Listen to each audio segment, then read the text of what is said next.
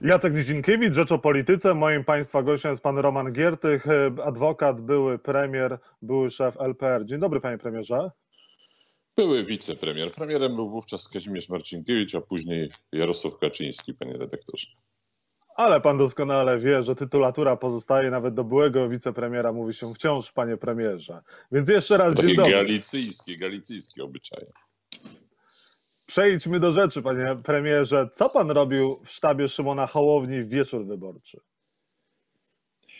Zaproszono mnie, dlatego że byłem jednym z nielicznych pewnie e, osób wypowiadających się w przestrzeni publicznej, którzy popierali Szymona Hołownię w czasie kampanii wyborczej, e, uznając, że należy głosować na tą, tę osobę, która ma największe szanse pokonać Andrzeja Dudę, w- proponowałem głosowanie na Szymona Hołownię.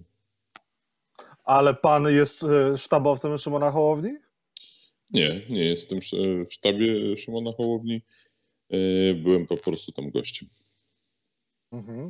A dlaczego pan popiera akurat Szymona Hołowni, a nie Rafała Trzaskowskiego? No, bliska platforma jest panu, nie ukrywajmy.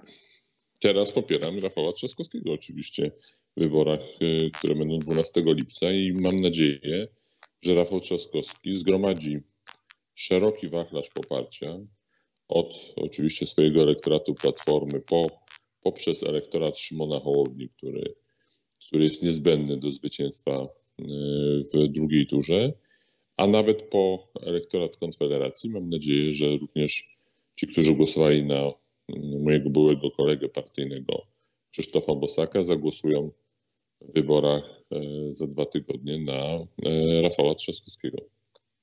No właśnie. e, Krzysztof Bosak był wcześniej pańskim kolegą partyjnym, był pan też jego przełożonym w Młodzieży Wszechpolskiej. Na kogo wyborcy Konfederacji zagłosują? Zna pan to środowisko? I co zrobią w drugiej turze? Muszę po raz kolejny wytknąć panu redaktorowi pewną nieścisłość. Jak ja byłem w Młodzieży Wszechpolskiej, Krzysztof Bosak jeszcze chyba nie chodził do e, szkoły podstawowej, więc nie byłem jego przełożonym nigdy w Młodzieży Wszechpolskiej. Natomiast e, byłem e, szefem partii LPR, do której należał Krzysztof- Bosak e, i kierowałem pracami również e, nieformalnie, ale faktycznie klubu parlamentarnego LPR, do którego należą. Odpowiadając na pytanie, co zrobi elektorat Konfederacji w drugiej turze, zagłosuje na Trzaskowskiego, na Dudę, czy zostanie w domu? Jak pan to ocenia realnie? Myślę, że jeżeli Rafał Trzaskowski zrobi jakiś gest w stosunku nie tylko do tego elektoratu, ale również do tych wszystkich ludzi, którzy nie zagłosowali na niego w pierwszej turze, uznając, że nie chcieliby, aby tematem kampanii wyborczej były jakiekolwiek sprawy światopoglądowe. Jeżeli Rafał Trzaskowski zapewni tym ludziom, że przez pięć lat swojej kadencji mm, to nie będzie jego temat, to zajmie się tym, co jest w tej chwili najważniejsze, czyli przywróceniem, przywróceniem praworządności i demokracji w Polsce, to jeżeli takie, takie zapewnienie złoży, to jestem przeświadczony, że zdecydowana większość wyborców Konfederacji zagłosuje na Rafała Trzaskowskiego. Jeżeli tego nie zrobi, to może duża część z nich zostać w domu. A co musi zaoferować Rafał Trzaskowski Szymonowi Hołowni, żeby zdobyć jego e, poparcie przed drugą turą? To proszę się zapytać pana Szymona Hołowni. Ja nie jestem jego rzecznikiem e, prasowym.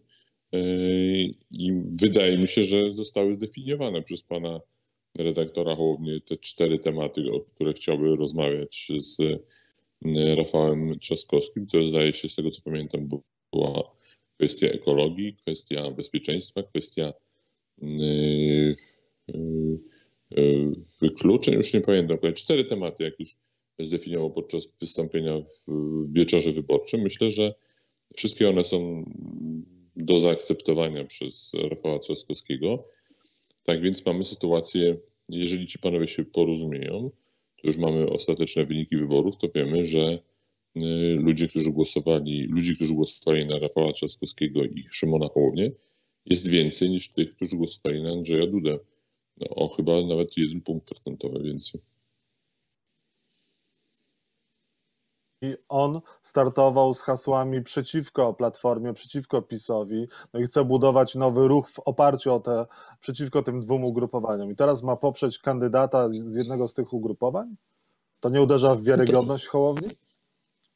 Wydaje mi się, że wybory prezydenckie taką logiką się rządzą, że w pierwszej turze e, podkreśla się pewne różnice, a w drugiej turze głosuje się na tego, który jest bliżej Y, wyznawanych poglądów. Nie mam żadnej wątpliwości, że dla przetłaczającej większości wyborców Szymona Hołowni Rafał Trzaskowski jest bliżej niż Andrzej Duda z wielu powodów, z wielu przyczyn, pewnie różniących się też od siebie, ale generalnie sądzę, że większość y, tych wyborców zagłosuje na Rafała Trzaskowskiego. Rafałowi Trzaskowskiemu potrzeba 3,5 miliona głosów do zwycięstwa 12 lipca, prezydentowi Andrzejowi Dudzie zaledwie milion. Myśli pan, że przekonanie obu byłych kontrkandydatów wystarczy, choćby części ich elektoratów, żeby nie doszło do reelekcji obecnego prezydenta? Wydaje mi się, że pan trochę źle liczy. Wydaje mi się, że Duda potrzebuje półtora miliona. Jeżeli mówimy o frekwencji takiej, jaka była w pierwszej turze oczywiście, frekwencja się może zmienić, ale, ale przy frekwencji e, z pierwszej tury, z tego co liczyłem, to Andrzej Duda potrzebuje niecałe półtora miliona głosów. Nie wiem skąd miałby je wziąć i to jest jego największy problem. Przewaga nad Rafałem Trzaskowskim jest znaczna procentowa, ale jeżeli się weźmie pod uwagę, że duża część elektoratu która głosowała na Szymona Hołownię, to jest ten elektorat, który jeszcze 7-8 lat temu głosował na, w dużej mierze na Platformę Obywatelską, w czasie kiedy rządził nią Donald Tusk i to jest ten elektorat, który siebie określał w badaniach sprzed 8 lat jako centroprawicowy. Myślę, że w związku z tym możemy mówić o bardzo wyrównanej szansie obydwu polityków i kluczem będzie, kto w większy sposób przekona elektorat Konfederacji, mówiąc wprost, bo lewica się nie liczy, a PSL-owcy i tak zagłosują na, e, na Rafała Trzaskowskiego w przeważającej części, więc e, kto zdobędzie głosy wyborców Konfederacji, ten wygra te wybory. Tak, tak uważam, taka jest w tej chwili sytuacja i chciałbym tylko jedną rzecz powiedzieć, że w najbardziej podstawowym interesie tego ugrupowania, jakim jest Konfederacja, jest niedopuszczenie do zamknięcia systemu politycznego w Polsce, domknięcia. Jeżeli wygra Andrzej Duda, to PiS będzie miał wszystkie instrumenty do tego, żeby nawet zlikwidować Konfederację, wsadzić jej polityków do więzień. Ja nie mam żadnych złudzeń co do tego, że Jarosław Kaczyński, jeżeli wygra Andrzej Duda wybory prezydenckie, pójdzie drogą swoich poprzedników z lat 30., czyli wprowadzi nam faktyczne rządy autorytarne z, z prześladowaniami przeciwników politycznych. Tak uważam, że tak będzie i, i do tego się PiS od, od wielu lat szykuje, próbując przejąć sądy. E, więc jeżeli Konfederacja chce istnieć i chce być niezależnym podmiotem i być podmiotem, który będzie miał jakiekolwiek znaczenie i nie być przedmiotem e, brutalnej rozgrywki ze strony PiSu, to w ich najbardziej, naj, fundamentalnym pojętym interesie jest zagłosować na Rafała Trzaskowskiego w tych wyborach, bo, bo to rozszczelnia system i powoduje, że PiS nie będzie w stanie tych wszystkich rzeczy zrobić. No ale panie mecenasie, prezydent Andrzej Duda mówi teraz, że niewiele go dzieli tak naprawdę od Krzysztofa Bosaka. Wie pan co? Yy, yy, oczywiście, że teraz będą zabiegi o, o elektorat Konfederacji ze strony PiSu. Już nie będą oskarżenia o e, rosyjskie onuce, tak jak to padały e, jeszcze parę miesięcy temu. E, ale tak jak powiedziałem, w moim przekonaniu ten elektorat, który jest elektoratem częściowo narodowym, częściowo wolnościowym, znaczy takim liberalno-gospodarczym, nie bardzo jest kompatybilny z elektoratem PiSu, który jest elektoratem autorytarnym i socjalnym w najgłębszym tego słowa znaczeniu. Natomiast mm, sprawy światopoglądowe, które, e, które wydają się pozornie e, te elektoraty czy te ugrupowania zbliżać, są wykorzystywane przez PiS w sposób absolutnie cyniczny do no, uzyskiwania poparcia ze strony Kościoła katolickiego w Polsce. Nie ma, nie ma żadnego powodu, aby uważać, że to ugrupowanie jest w jakikolwiek sposób światopoglądowo nawet zbliżone do, do Konfederacji. PiS jest po prostu organizacją czystych cyników, jeżeli chodzi o, no, o sprawy światopoglądowe i yy, jeżeli byłaby potrzeba głosić poglądy yy, komunistyczne wręcz, to PiS byłby je głosił, gdyby tak wychodziło z sondaży, żeby to przynosiło sukces wyborczy.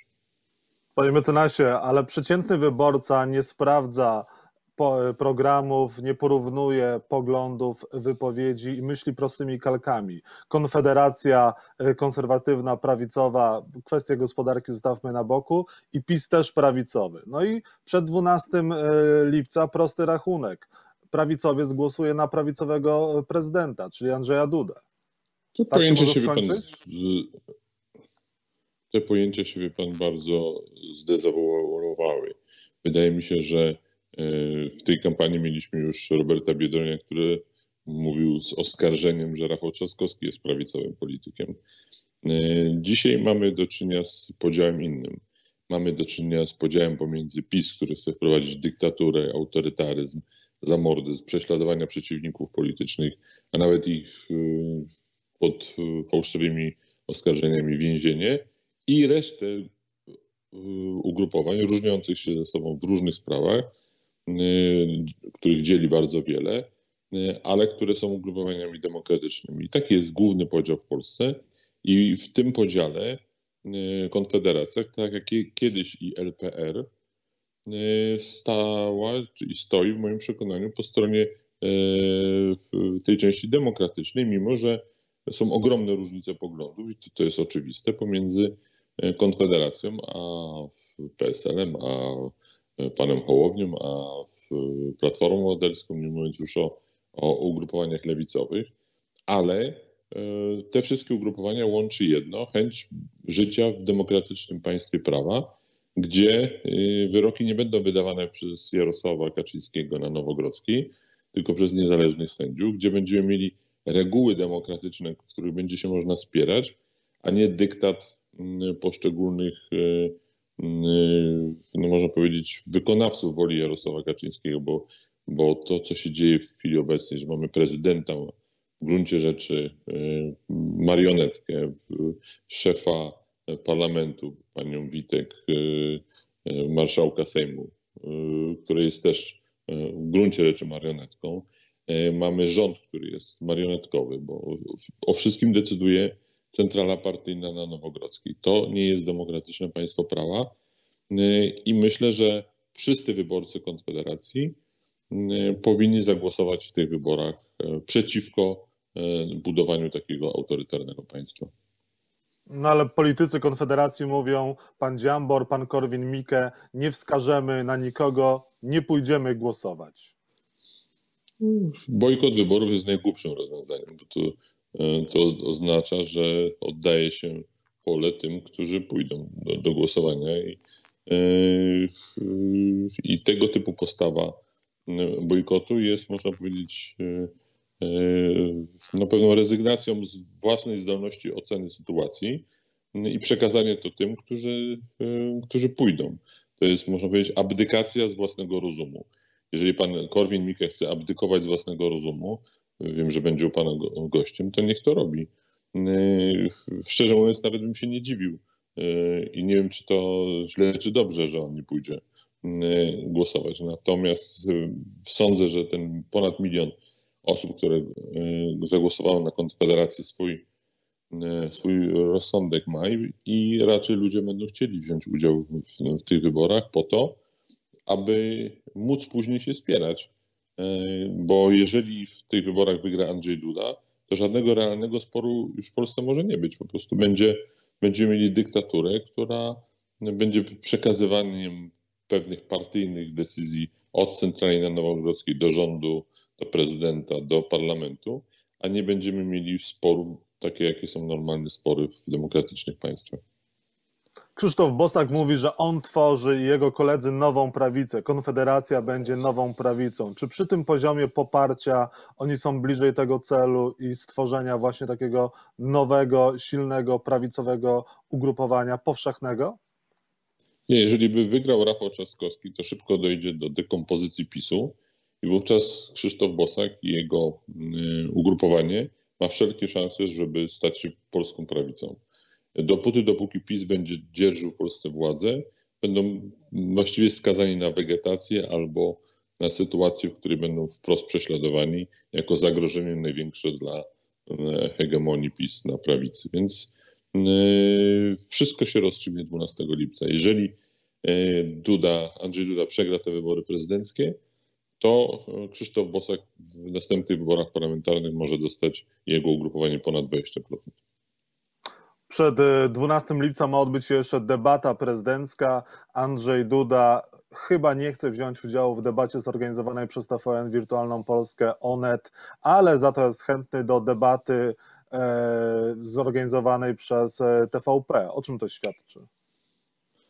Znaczy to, co się odbywało przed pierwszą turą, nie było żadną debatą, było ustawką telewizji publicznej przeciwko Rafałowi Trzaskowskiemu.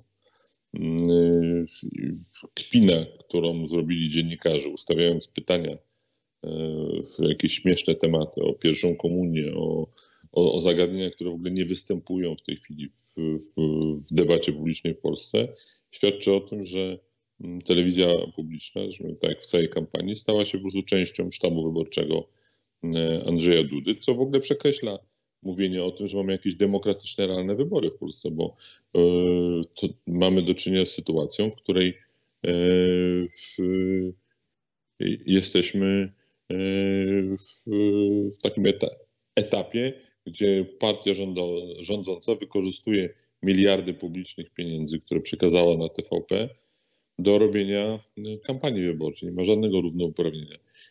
Więc jeżeli Andrzej Duda nie chce stanąć do debaty przed mediami prywatnymi w normalnej debacie, tak jak to bywało e, przez 30 lat, to znaczy, że po prostu tchórzy i boi się starcia z Rafałem Trzaskowskim i nie jest sobie go w stanie wyobrazić bez tego, że zna pytania, bez tego, że ma dziennikarzy, którzy są de facto jego pracownikami. To jest postawa po prostu tchórza.